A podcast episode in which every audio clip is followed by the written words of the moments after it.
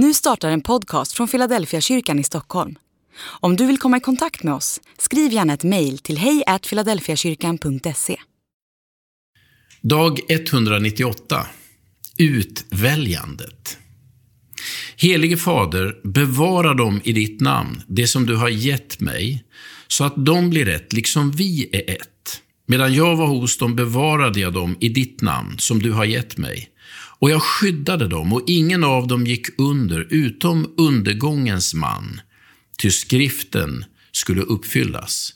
Johannes kapitel 17, vers 11 och 12.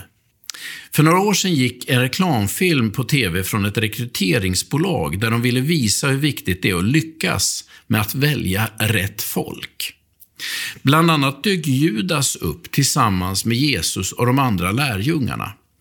Tanken var att det skulle föreställa tillfället då Judas rekryterades till lärjungagruppen. Ett tillfälle som det inte står något om i Bibeln. Judas förklarade med entusiasm, jag blev sjukt glad när Jesus kontaktade mig. Sen kom sluttexten. Fel rekrytering kan stå dig dyrt. Som om Jesus hade misslyckats och som om Judas var ett, ett misstag. Hur hänger det ihop egentligen? Visste Jesus från början att Judas skulle förråda honom? I så fall, varför valde han honom till lärjunge? Om inte, hur insiktsfull var egentligen Jesus?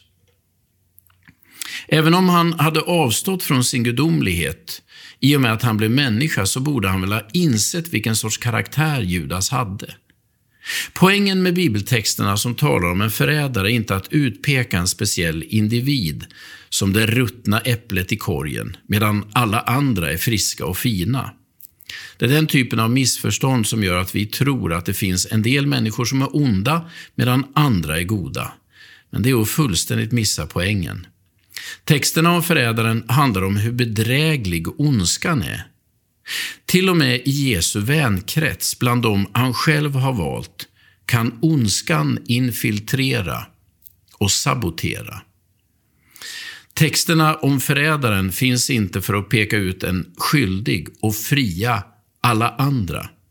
Texterna finns där för att beskriva att ingen är immun mot det onda, inte ens den som är utvald av Jesus själv.